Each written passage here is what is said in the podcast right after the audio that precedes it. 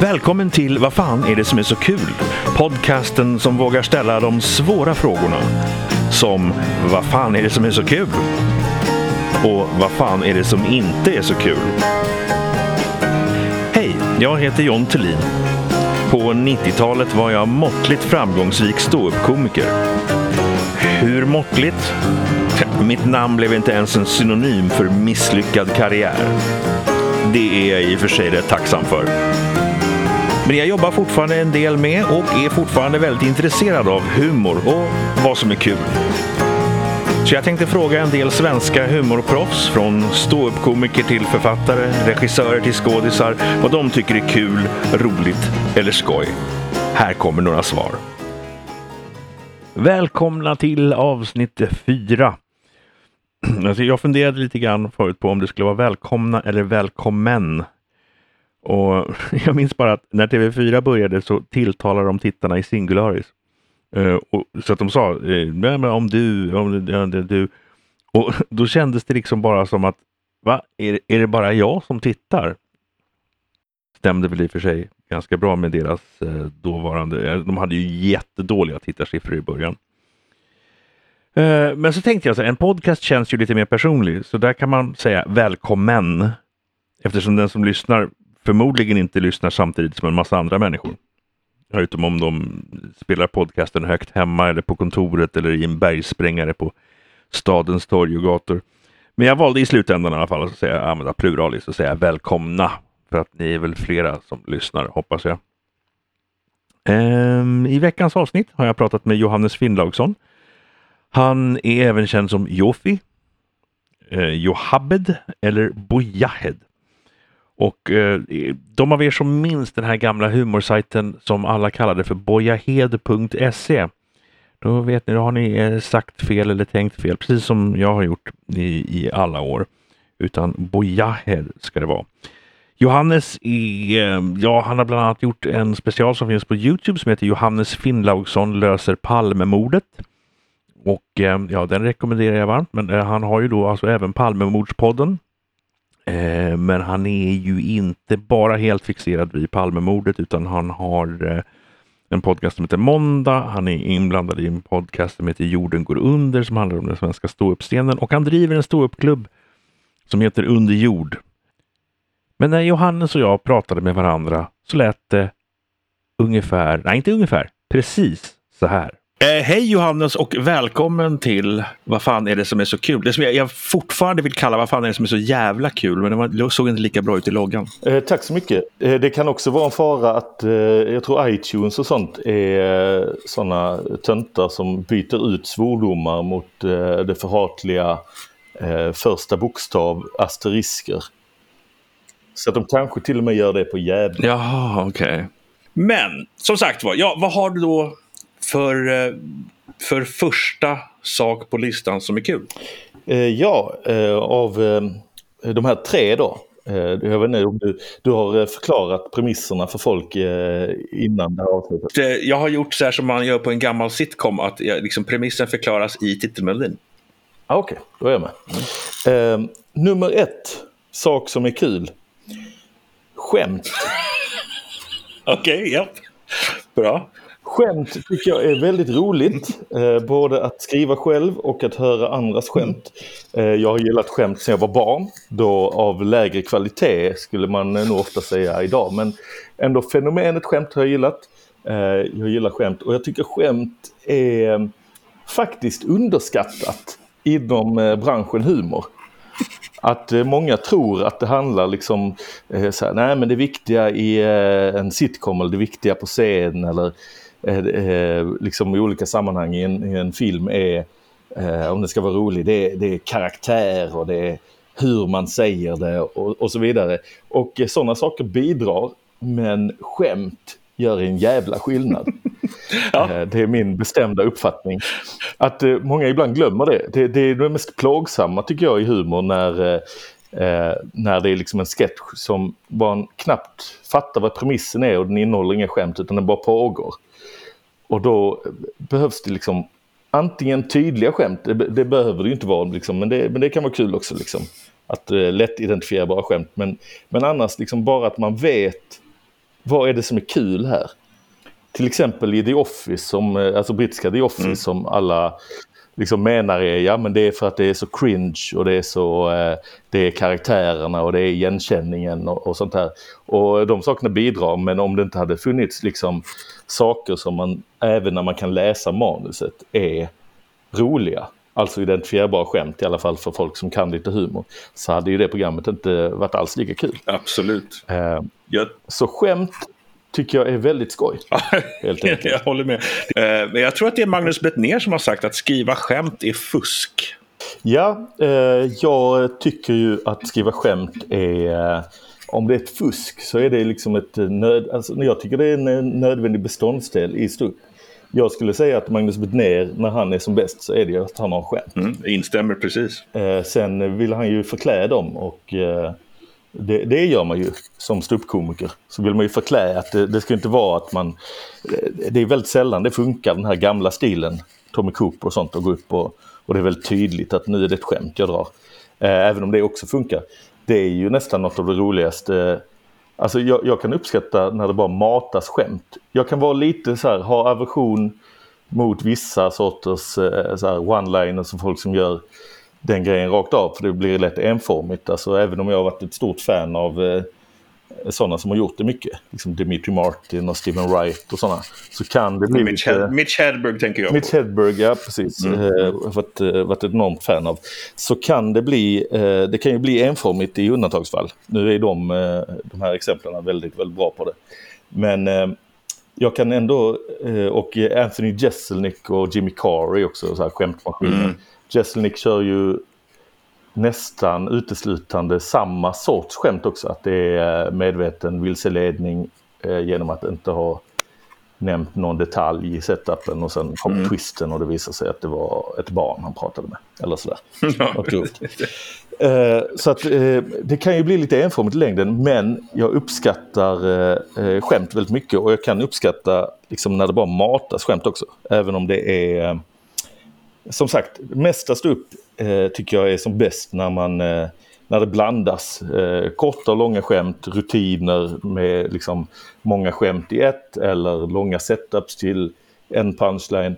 Alla möjliga, det, det optimala är att blanda det friskt så att eh, publiken inte exakt vet när det kommer bli roligt.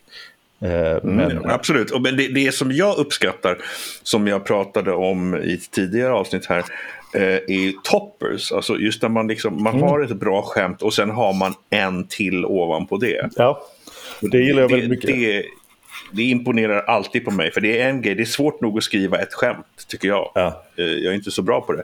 Men eh, det är svårt nog att skriva ett skämt, men sen att liksom bygga på det, att, att ele elevera det. Ja. det Mina favoriter, knepigt. eh, i alla fall när jag, när jag själv kom på grejer och är nöjd med, är ju när, eh, när det kommer ett skämt med en punchline som, all, som folk tror är så stark så att det ska vara klart där. Sen kör man en topper på det som är ännu starkare. Mm. Precis. Sen kör man en Precis. på det. Oh, Jag gillar ja, de här när man, kan, när man kan steppa upp några steg. Jag har några sådana skämt där i, i, i mina grejer är det ofta kanske att det urartar i grovhet. Så det är ett, ett rätt kul sätt att lura in folk på saker, att man kan få dem att eh, först skratta åt en grej som de tänker så här, ah, det var roligt men eh, kanske, ja det var nog på min gräns. Och sen har man en topper som är lite över det när de ändå är inne i skrattet. Och sen drar man det ännu grövre. Så kan de, bli, kan de ibland bli lite chockade av sig själva av eh, att, vad man har fått dem att skratta åt. Liksom. Eh, Mm. Så eh, jag vill inte... Ja, eh, men jag gillar det väldigt mycket men det är, det är också en... Eh, ja precis, det är en teknik som man ibland, ibland eh, vill undvika att det ska bli så tekniskt att man medvetet gör det. Men när man väl får till dem så blir det ju eh, väldigt skoj tycker jag. Eh, Men jag kan som sagt också bara, bara uppskatta, alltså eh, när man bara fastnar på YouTube och kollar grejer. Så är ju min favorit eh, gamla Norm MacDonald. Eh, när han är eh, nyhetsankare i Weekend Update på Saturday Night Live. Just det, just det. Och då finns det ju en eh, kanal som eh, har det eh, lite suspekta namnet I'm not Norm. För att då tydliggöra att det är inte Norm som lägger upp det här. Men det känns som det är någon som... eh, Det är nog inte Norm. Men det är, kan nog mycket väl vara någon som jobbar med honom. Eh, Men den då lägger upp, det är i stort sett bara att den samlar gamla grejer med honom.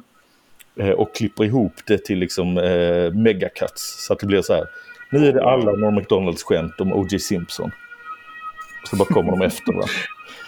Jag kommer framförallt ihåg eh, när Norm var gäst hos Conan O'Brien. Mm.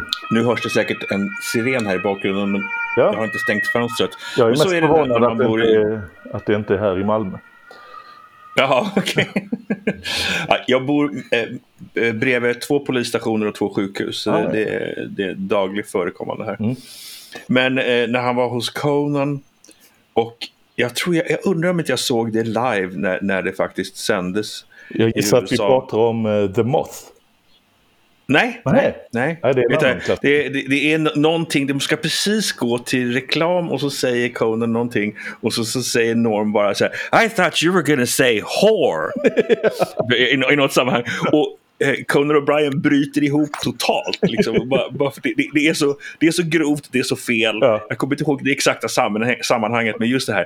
I, I thought you were gonna say whore. Och, ja, Ja, Norm MacDonald är ju en... eh, Han har seglat upp. eh, Jag har insett att han var ju en av mina favoriter även eh, som ung. För att jag kollade på Saturday Night Live då eh, på tiden när det sändes på ZTV.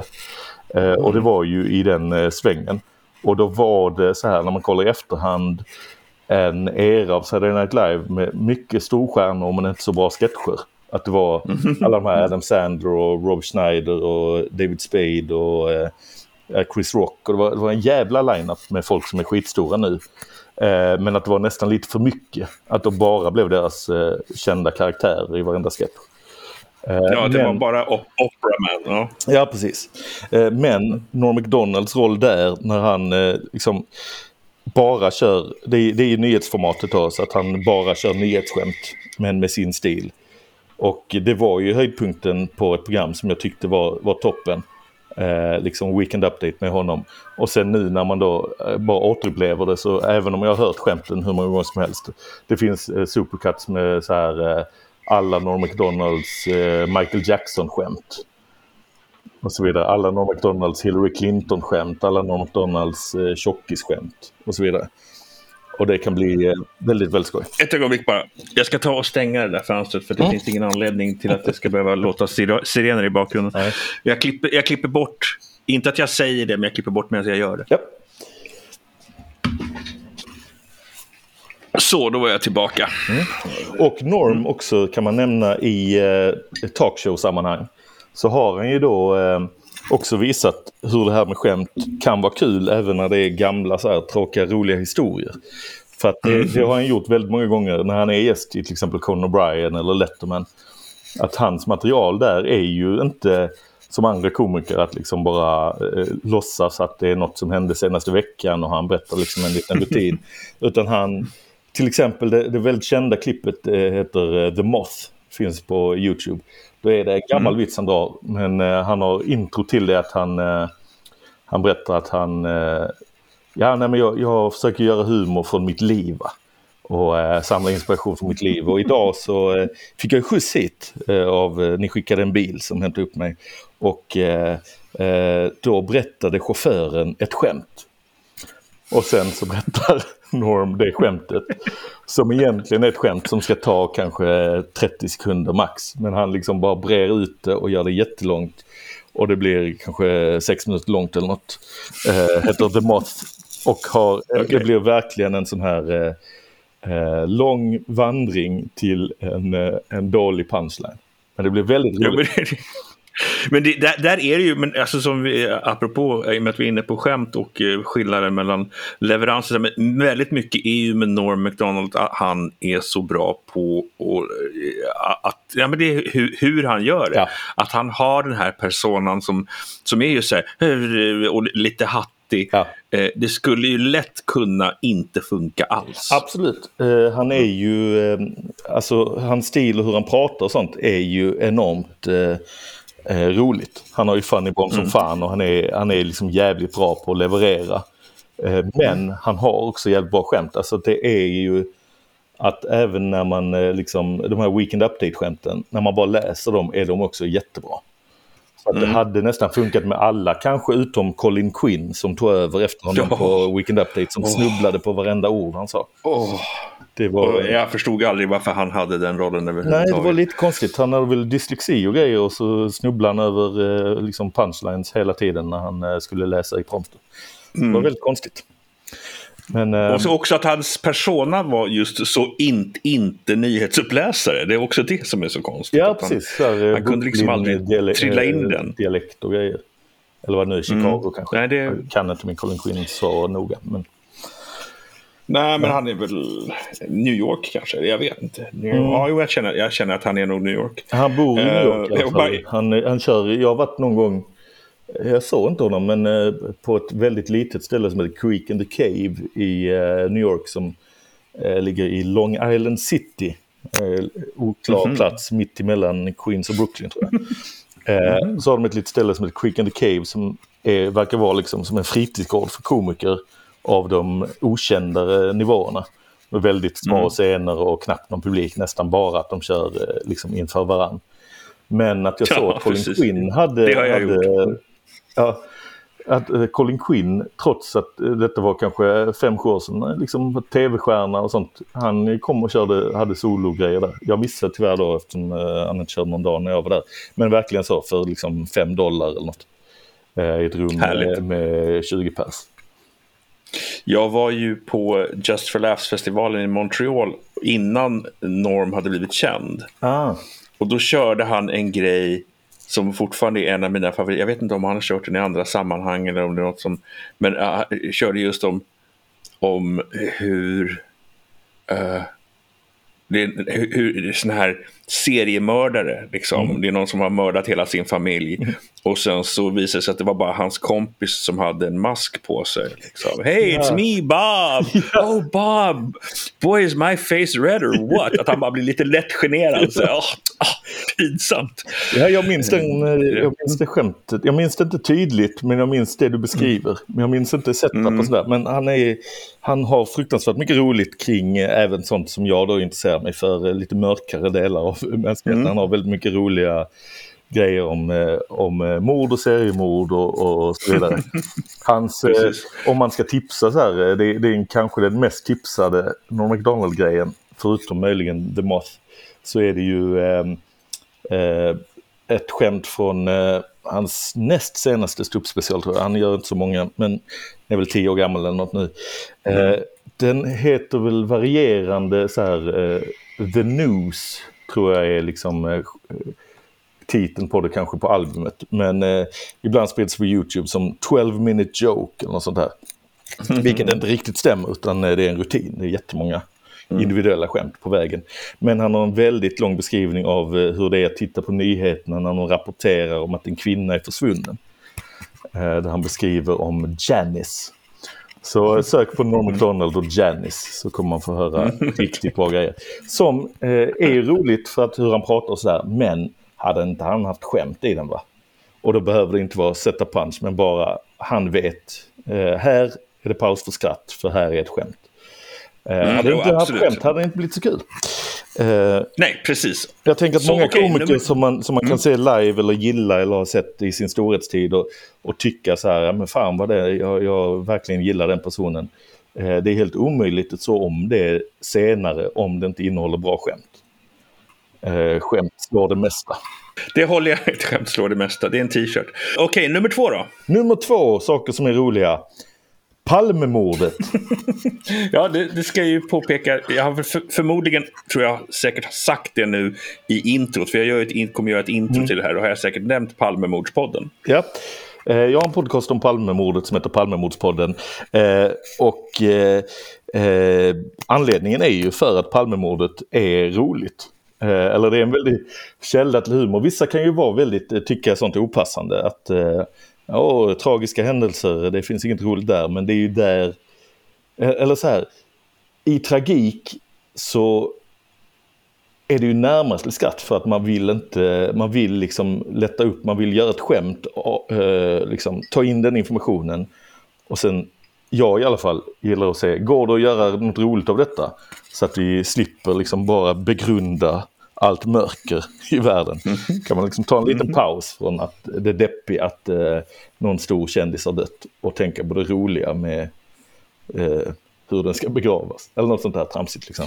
Som jag, eh, för det gör jag en del på Twitter, så här, skriver sådana här så kallade too soon-skämt. Eh, men eh, i alla fall med eh, alltså Palmemordet. Eh, jag har ju varit med om att folk rynkar på näsan åt det. Jag gjorde till exempel en sluppföreställning om Palmemordet också som hette eh, Johannes Finnlaugsson löser Palmemordet. Eh, och då minns jag att jag var på eh, Kan jag bara, bara sticka emellan med och säga att den är väldigt bra för de som så har missat den. Ja, och den finns att se och lyssna på på Spotify och så vidare om man vill slänga in det. Men jag skulle göra den på Lund Comedy Festival ett år. För rätt många år sedan nu. Och då var det så här Sydsvenskan som eh, blir liksom Lund, Lund Comedy Festivals eh, Pravda under de dagarna ungefär. Det är verkligen, Sydsvenskan är jätteglada för det händer något i Lund. Eh, och de är jätteglada för att Sydsvenskan skriver om det. Så det blir en väldigt symbios av att Sydsvenskan rapporterar jättemycket från eh, festivalen. Eh, alla kända namn i alla fall går de på. Och sådär. Men då hade Sydsvenskan någon sån där införsnack. De skulle ha en egen liten talkshow och testa livesända på deras hemsida. Det var väl nytt och fräscht då. Detta var några år sedan som sagt. Eh, och då frågade de om jag ville vara med och eh, gästa eh, då på eftermiddagen. Eh, live inför publik, så på torget. Och så ja, det kan väl vara. Och då var det eh, jag och eh, Lasse Åberg. Och då var liksom, för att Electric Banana Band spelade. Och då var liksom premissen och så här konstigt. Så här, går det att skämta om eh, allt? Är det kul med både bananer och mord? Något, jag vet inte. Men något liknande sånt inkristat. Men problemet var ju där, dels att det var kanske så här klockan två på eftermiddagen. Och det var Sydsvenskan, liksom en morgontidning. Och det var Lasse Åberg kanske framförallt då. Det var ju bara folk i Lasse Åbergs ålder i publiken. Och min bild eh, var att folk i Lasse Åbergs ålder har inte lika rolig humor som Lasse Åberg. Om man säger så. Eh, jag tror Lasse Åberg nog mer uppskattar eh, kanske en annan humor än vad de gör. För att de vill ju ha snällt och trevligt. Och då satt det ju verkligen någon tant på första raden som när, när, de, när hon intervjuade berättade. Och du har en, en ståuppföreställning om Palmemordet. Och att man bara märkte att, att stämningen i publiken var så här, de ville bara, de ville se Lasse. De ville minnas Sen, sen tror jag också, kan jag tänka mig att, att eh, den generationen eh, ser Palmemordet mer som ett trauma. I Ja. de genomlevde det liksom på ett Jo, sätt. kanske. Men för egen del tror jag det är att eh, jag, eh, alltså trauman eh, gör ju nästan mig mer benägen att eh, tycka saker är intressant och, och försöka skämta om och sådär. Eh, så att kanske att jag hade varit ännu mer fokuserad på Palmemordet om jag var ännu mer berörd. Jag vet inte. Men ehm, eh, alltså det blir ju, bara Palmemordet rent allmänt är ju, det går ju inte att förneka att det är roligt hela, liksom allt kring det. För att det är nästan som att förneka att det finns något som är roligt i samhället överhuvudtaget. För att allt i samhället ingår ju i Palmeutredningen i stort sett.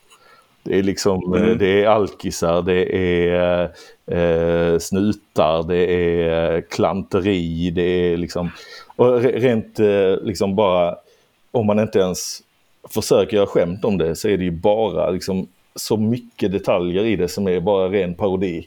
Med liksom Hans Holmér Ja, men bara, och- bara privatspanarna i sig. Ja, ja, precis. Verkligen. Det finns så himla mycket och knasiga teorier, allt möjligt. Liksom. Det är ju, jag vill inte spoila slutet på min föreställning då om folk eh, skulle vara sugna på att se det nu. Men jag presenterar ju en lösning på Palmemordet eftersom eh, showen heter Johannes Finnlaug som löser Palmemordet. Och då hittar jag ju på en, en knaslösning, eh, får man väl säga. Eller jag, jag får in så mycket jag bara kan i den lösningen. Men sen är det intressant att efter det har jag noterat att det finns ju folk som eh, liksom på YouTube då berättar sanningen om Palmemordet. Och de har nästan exakt samma eh, tankegång som mig. Bara baka in allt. Allt vi hört om Palmemordet, alla spår du någonsin hört om i tv, alla stämmer samtidigt. Och då är det bara med rena chansningar. Så. Och walkie-talkie-männen, de pratade förstås med PKK. Och de måste haft eh, backning av KGB. Och så att, så att folk, eh, liksom den galenskapen finns ju. Eh, och kan vara rolig. Men, men det är så många små detaljer kring Palmemordet. Men, men förutom också det bara, alltså det är ju eh, skämmigt på nivån humor. Alltså att det här hela, alltså att vår statsminister bara mördades. Och sen bara klantar man sig. Och liksom ingen lösning. Och okej okay, nu då säger de att det är en lösning med en powerpoint-presentation förra året. Men att det är liksom bara, det är, så, det är liksom på, det är papphammarnivå. Det är, det är liksom så himla Alltså, det, man kan tycka det är deppigt men det blir bara, det är så jävla absurt. Att vi haft det jo, men så man, man måste, Att man måste skratta åt det. ja, enkelt. precis. Eller man, måste, säger, man kan tycka det är deppigt men... Mm. Ja, men det är, så, det är så himla sjuk grej. Och jag tyckte det så här, eh, det är ju olika generationer och sådär, men min bild eh, för ett tag, eh, och jag tycker nog det fortfarande, är att det är nästan konstigt hur lite samhället har sen brytt sig i efterhand. Att det bara blev så. Här, eh, vi har inte, det, vi klantade här första året. Det var, det var tydligen inte kurderna. Okej, ut med honom. Nu tar vi den här alkisen och det är kanske han, han fäller vi och sen friar vi honom. Okej, det var inte han. Och sen var det som att folk bara gick vidare så här. Ja, ja. Men det var väl det. Ja.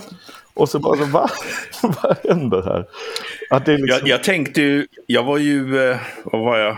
Jag var väl i tidiga 20-åren när, när det hände. Mm. Och jag tänkte det man skulle göra det är att skriva en bok som heter Jag mördade Palme och bara hitta på och bara ge ut på något litet skitförlag. Ja. Bara, bara för att. För att få en, eh, du hade fått en storsäljare i eh, många, mm. många år. Mm, kanske inte, det är nödvändigtvis liksom en storsäljare från början för det kanske inte kommer att stå i eh, liksom, Pressbyrån. Nej, nej, precis. Men bara nu att, att folk, de här då som eh, håller på eh, liksom i Palmerummet på Facebook och sådär. De som är intresserade vill ju suga i sig nästan allt. Så att det är bara man skulle ha, om man bara har tålamodet att skicka ut så här, eh, trycka upp ett stort lager och skicka ut två böcker i månaden. Mm. Så hade det varit en stadig man... några hundringar. Absolut. Nej, men apropå skämt och apropå Palmemordet mm. och apropå privatspanare. En av privatspanarna, nu vet du säkert vad han heter, men var ju före detta TT-journalist. Eh, TT, alltså jag vet att det finns eh, han som var på SVT sen, eh, Lars eh, Borgnäs, har ju gått över till att bli mycket privatspanare nu och skriver om Estonia och sånt också. Eh, även om ja, det kanske... Eller var det... Jag vet faktiskt inte. Nej? Jag Sven Anér finns också, han gamla farbrorn. Jag minns inte om han eh, hade någon sån bakgrund. Men, nej. Jag är osäker på, det kan ha varit Borgnäs, men skrev en, en svensk sitcom som heter Panik i butiken. Mm -hmm. eh, som faktiskt var, och vad heter han den svenska skådespelaren? Eh, eh, mm. Torsten Flink. Torsten Flink ja. Torsten Flinks första roll faktiskt. Eller på tv i alla fall. Ja, det är Lars Borgnäs som har skrivit, har skrivit den. Och ja, men de, de skulle ju sälja in, eh, eh, Torsten Flink skulle spela Christer Pettersson i en spelfilm om Christer Pettersson. Ja, okej. Okay. Lars Borgnäs skrev Panik i butiken som var en svensk sitcom då skulle det vara. Eh, med Lars Amble i huvudrollen. Och eh, jag hade en kompis som hade en stående roll som eh, Lars Ambles son i den. Så att jag eh, var mycket där på inspelningen. Här. Och det är en av de mest bedrövliga saker någon någonsin har skrivit. Eh, jag tror att det är Torsten Flinks eh, figurkaraktär där som han heter Pagetti och han är en sån här maffiasnubbe. Och då ingår det en massa skämt där, i och med att då Pagetti låter som baguette, vilket det ju inte gör, men, men det gör det tydligen. Eh, så är det en massa sammanblandningar med att de, någon säger bergis, ah, bergis, vilket ju också då är en sorts fralla. Så då blir det här, ah, bergis, eh, nej nej, pagetti. Det, det, var på den nivån. Eh, då vill jag revidera från det jag sa innan om hur viktigt det var med skämt. Att alla skämt mm. är inte roliga. Får man, måste man komma ihåg. Det är så sant. Okej, till nummer tre då. Nummer tre. Vi har eh, alltså mm. eh, ett skämt, två Palmemordet, tre Pantertanter. Den gamla sitcomen. Den är faktiskt rolig. Det är nog inte alla som vet det. Jag, jag ska säga att jag talar lite ur minnet här för att det var länge sedan eh, jag såg det. Jag gissar att den fortfarande rullar på någon sån eh, TV4 Guld eh, plus-tjänst eller något. Men det, det, är mest att det, det, är en sån här serie som, alltså jag har ju varit mycket av eh, liksom en stor konsument av eh, tv-humor. Eh, särskilt i tonåren och sådär kanske. Man kom hem från skolan, man slog på eh, reklamkanalerna och så var det sitcoms av väldigt varierande kvalitet. Och då var det att man tänkte att Pantertanter, det är den här eh, sitcomen från 80-talet med fyra tanter helt enkelt som bor tillsammans. Och då kommer jag ihåg att man tänkte så här, men den vill man inte se, det är gamla tanter, kommer inte vara ett dugg roligt. Eh, så då hade man den bilden. Sen när man då eh, gick i repris några år senare och man bara återigen inte hade något för sig mer än att bläddra på tv. Så upptäcker man att den är ju bra grejer. Va? Och det är också, det flyter lite in i, i första, eh, första valet av grejer här, skämt. För att de har bra skämt i den. De har väldigt tydliga karaktärer, det är väldigt enkelt. De har ju en, eh, en korkad eh, Rose då, spelad av Betty White, den enda av de här fyra som fortfarande lever. Åtminstone när vi spelar in detta. Eh, vi får se om eh, tiden från inspelning till eh, släpp om någon av de andra har eh, återupplivats. Men förmodligen eh, inte. Men eh, hon, hon spelar korkad, också lite extra skoj för eh, svensk att det är, hon heter Rose Nygaard tror jag. Jag tror de snackar om att hon är norskättling mm. men det är tillräckligt nära för att det är extra kul för att, att man är svensk. Liksom. Hon är stenkorkad, sen har vi Blanche som är eh, slampa får man väl säga. Eh, slinka. Ja, det får man. Eh, eh och eh, hon, är, hon rör sig ute i, eh, i minglet så att säga. Eh, och sen finns det då Dorothy, spelad av B. Arthur, som jag inte kände till då, men har fattat i efterhand, väldigt ansedd komedienn även innan detta. Att hon hade lite så här vassare roller innan, liksom någon, någon tv-serie, någon sitcom som heter Mad, som även om det var sitcom var lite så här feministisk eh, liksom, eh, kraftsamling. Ja, men Maud Maud är ju eh, en av de amerikanska versionerna av Fawlty Towers. Jaha, är det det? Mm. Ja, ja. Mm, därför John Cleese har ju citerat som att han har sagt att liksom, ja, vi vill köpa de här manusen och göra det här, men vi vill ta bort Basil, Basil Fawlty. Eh, och då, då han sa everything, e, everything they say about Hollywood is ja. true. Men det var, ja, ja. Det var Maud. Jag tror jag för mig att, jag för mig att eh, eller det kanske inte var Maud, men det var B. Arthur i alla fall som spelade. Jag kommer att då, då hade de istället för mm, från Bar eh, vad han nu heter i Fawlty Towers, från mm. Barcelona så var det Manuel. ju eh, så var han från Quebec. Ja, precis. Manuel från Barcelona ja, så var det någon han var från Quebec istället. Ja, jag, jag, har inte full koll på de här eh, liksom eh, eh, sitcomsen hon gjorde innan, men jag, jag, tror, jag vet inte om det var Mad eller någon annan som jag har för mig att det ska vara någon eh, milstolpe i tv-historien, att de hade med eh, frågan abort i en eh, sitcom. Liksom, detta är då, eh, om det är sent 70-tal eller tidigt, i alla, i alla fall att de var i framkant med sånt. Så att hon, hon eh, vara någon feministisk mm. ikon dit också. Men hon spelar i Pantertanter liksom en barsk eh, cyniker. Och eh, den liksom, jag vet inte om det är tanken att hon ska vara liksom den, den rimliga liksom straight guyen mot Manga, men hon är ju det nästan för mycket. Att hon är väldigt så här butter och, och bister och kommer med riktigt saftiga one-liners mot de här andra. Och sen är det då hennes mamma, eh, spelad av Estelle Getty, eh, som spelar Sofia, som i stort sett bara är knäpp och galen. Så det är de fyra tydliga så här, en korkad, en galning, en slampa, en eh, cyniker som liksom dissar, de här, så här, drar skämt på den mm. dummas och slampans och mammans bekostnad i stort sett. Så det är väldigt tydliga karaktärer och sen är det väldigt bra skrivet, bra skämtmässigt, att det är väldigt... Eh, eh och så är de bra, bra komiska skådisar, framförallt kanske eh, Dorothy och Rose då, Betty, eller eh. Arthur och Betty White. Så det är verkligen en sån som man, eh, eh, eh, en sitcom som man, jag bör inte varit målgrupp Eh, men det är sånt där man eh, lärde sig i, eh, jag lärde mig kanske i runt 20-årsåldern där att saker kan ju vara roligt fast att det är kärringar.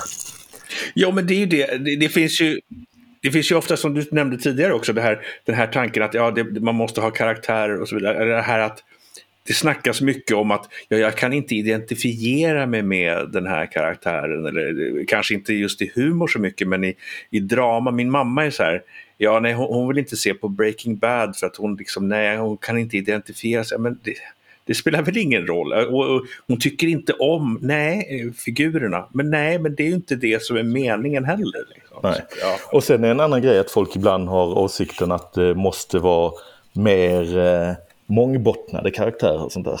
Mm. Och det är ju så här, eh, nej, inte i humor eh, särskilt. Alltså det är väldigt, visst det, det kan bli övertydligt eh, så att det är liksom irriterande att titta på när det är kanske på nivån nörden är Steve Urkel. Men det är ju mer liksom tonen de har satt an, det är inte hur tydlig karaktären är. Utan det är liksom att jag minns liksom när jag, jag har skrivit humor för en massa olika grejer. Jag minns till exempel när vi gjorde tv-programmet Grillad som var enormt utskällt och eh, dåligt på många sätt och eh, väldigt mycket saker som talade emot att det skulle gå att göra på ett bra sätt. Eh, mycket kaos bakom. Men då minns jag att det var också att, att vissa sådana här producenter och mellanchefer och sånt som man egentligen inte ska få säga till dem så mycket om humorn kom liksom eh, efter att vi spelat in då ett antal Rose-program med några återkommande komiker så var de så ja men nu måste vi variera vad skämten är. Vi kan inte, alla skämt om eh, eh, eh, Aron Flam kan inte vara att han är cynisk jude. Alla skämt om Mårten Andersson kan inte vara att han eh, eh, gillar att supa och, och att han ligger runt mycket. Vi måste gå mer på djupet och så bara nej men det ska man inte. Nej. På roaster är det väldigt mycket att nej, men du tar ju liksom de sakerna folk vet om någon och så gör du en massa olika skämt på dem.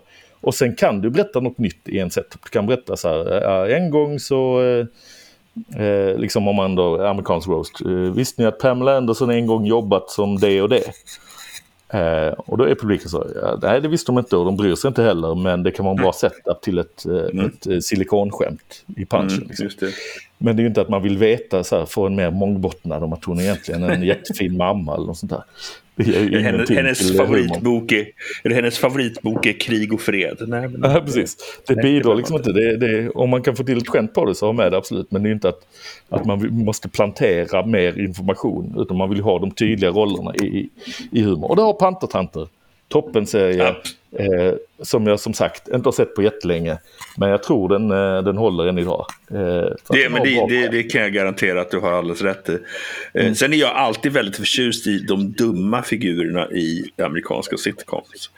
Ja. Som att eh, Vingar till exempel, den är väl sådär, men den här eh, Thomas Hayden Church spelar den, den dumma snubben där. Ja, och det, det. det är alltid kul att se. Ja, just det. Jag hade glömt att det, han, det är en sån typisk att jag... Både namnet Thomas Hayden Church, serien Vingar och hans karaktär där är sådana saker som ligger väldigt långt bak i mitt huvud. Men nu när du mhm. säger dem eh, ihop så bara just det, det är mm. han som sen blev eh, kändare skådis. Inte yep. en av de kändare namnen men man känner igen namnet lite, känner igen hans face och just det, han var med där. Så det var ju trevlig nostalgibomb eh, ja. du droppar på mig här. Varsågod. Ja. Eh, Okej, okay. och så då till det sista momentet som jag la till för att jag tänkte att det, skulle vara, det ska inte bara vara kul. Nej. Man måste lida lite också. Så mm. att eh, Därför tänkte jag då, den sista frågan är alltid något som folk anser är kul men som faktiskt inte är kul. Ja, eh, jag känner att det här är ett ganska uppenbart svar. Och eh, frågan är då hur många som egentligen tycker det är kul. Eh, det är kanske inte så många, eller min, bild är att det är inte så många som tycker det är kul. Men kulturen som helhet har bara fått för sig någon gång och sen bibehåller illusionen att det är något som är kul eh, när alla vet att det är en total bluff. Det är inte kul. Eh, och det är eh, clowner. clowner är ju eh, fruktansvärda, de skrämmer barn, de är obehagliga eh, och när de ska göra eh, humor så är det väldigt övertydlig humor på nivån att nästan barn tycker det är lite för lite för billigt. Eh. Lite för enkelt för 11-åringar. Ja, lite så. Eh, och jag tror även liksom, jag kan inte minnas, eh, alltså när jag gick på cirkus som barn. Jag har liksom vaga minnen från att man var så här 5-6 år. Jag, minns inte att jag tyckte clownerna var så kul alltså. Ja, det var djuren. Jag vet min, min mamma har återberättat om att det roligaste, det jag hade skrattat mest åt på hela cirkusbesöket var när en elefant bajsade. Så man var på den nivån. Man var liksom på den billigaste humornivån. Och clownerna liksom, de försökte rikta sig mot den låga, låga nivån och ändå tyckte man nej, men det var, inte, det var ingen kvalitet där. Clowner är ju... Jag tänker på Jack Handy bara här. Uh, I have a fear of clowns. I think it's because my dad was killed by a clown. Just det, klassiskt. också, det var ju en favorit på Saturday Night Live på den tiden också. Uh, bara Jack Handys Deep Thoughts. Det var ju verkligen Absolut. bara skämt. Det var ingen karaktär. Det bara kom upp som en mellanläge mellan, uh, mellan sketcher. Ett skämt, mm. helt enkelt. Yep. Eh, så att, eh, återgår vi till början där. Men clowner, alltså det, det, är ju nästan ingen som väl tycker det är kul. Eh, jag menar, det, det blir en sån eh, liten mini eh, eh, debatt eller blossade upp då när eh, filmen Det kom i remake för eh, några år sedan. Så var det sjukhusclowner som gick ut och sa så här, de här, eh, den här filmen och annat eh, i, annat i tv och film ger, ger oss dåligt rykte, vi clowner. Barn blir rädda för oss på grund av de här filmerna. Och då är man så att nej, så är det inte. Utan anledningen att Stephen King har valt clown som Penny, alltså att det är monstret i det, är ju för att alla mm. tycker det är läskigt.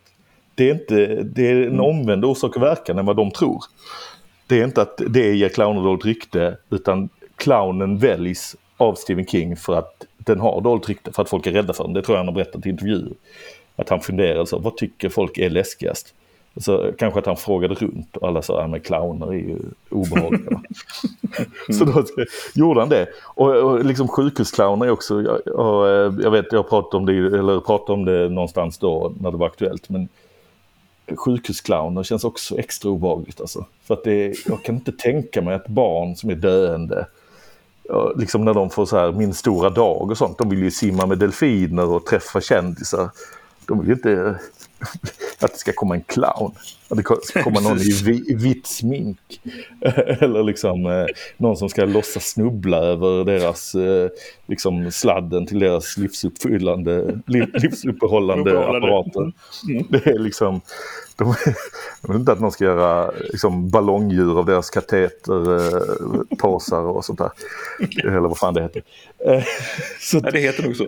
Ja. ja, det är liksom, jag, jag, tror jag sa det då men jag kommer upprepa det för att jag, det, det är en sann tanke. Eh, jag, om ett barn på sin dödsbädd eh, liksom eh, önskar att det ska komma dit en clown, då är det tumören som pratar. Alltså. Det... Ja, men tack för bidrag till en färsk jag vill inte säga podd, podcast, jag vill säga podcast. Jag tycker podd, det är lite grann som när folk Aha. säger webb om en webbsida. Det, ja, det, är liksom... det ska jag börja göra. På min, på min webb. jag brukar alltid köra det. Så här, liksom, vadå, har du, har du ett eget internet? Ja. Eh, men, eh, ja, ja. men sån är jag. Det är för att jag är språkmänniska och jag stör mig på sånt där. Men hur som helst. Tack för att du eh, var här, för att det, det är uppskattat. Eh, Tack så jättemycket för att jag fick vara med. Jag kan väl nämna innan man rundar av då, om jag får möjlighet, att man jättegärna får följa mig på Instagram och Twitter där jag heter Johabed. Och eh, när man väl får eh, gå på ståupp igen så köper man biljetter till eh, den skitbra ståuppklubben Under jord i Malmö på underjord.nu. Vår webb. Gå in på webben underjord.nu och boka biljetter. Det var alltså Johannes som rekommenderade sin webbsida när folk säger jag har en webb så brukar jag såklart komma med eh, va? Har du ett helt eget internet? Det är ju det webben är. Det är så typiskt svenskt det här också att ta liksom, första delen, anabola steroider. Det är steroider som är den viktiga delen. Anabola är adjektivet och så gör man det till substantivet. Samma sak med podd och podcast som, som jag nämnde. Eh, men okej, okay. nåväl nog om, om mina språkligheter. I nästa avsnitt kommer vi att få stifta bekantskap med Sara Young Eh, visserligen en kvinna som har ståuppvana, men hon är väl mest känd som manusförfattare och regissör. Hon är just nu aktuell med Snälla kriminella på SVT Play, så lyssna gärna då. Ja, eller, eller senare. Ni behöver inte lyssna precis vid midnatt när podcastavsnittet läggs upp. Det fina med podcast är ju just att man får välja när man lyssnar. Och tack för att just du har valt att lyssna på den här. Tack för att du lyssnade på Vad fan är det som är så kul? Jag heter John Thelin och det står jag för. Vad fan är det som är så kul är en supertrevligt produktion, spelas in i Studio Blauer Schädel i Berlin och redigeras av Ohejdad Vana. Exekutiv producent är Deborah Vought Thelin. Ja, det är min fru. Hur så? Tumnagelbilden med de dragspelande hästarna är tagen av Dominic Vanji och titelmelodin är Vaccinated Mushrooms av Lalo Schifrin från hans klassiska skiva från 1968 Whole Lalo Schifrin Going On. Bägge används med benäget tillstånd. Vad fan är det som är så kul finns på Twitter som att vad fan podcast. Vad fan med det och sen så hela ordet podcast. Inte bara podd alltså. Mejla, det kan man göra till vadfan supertrevligt.com. Supertrevligt med T på slutet.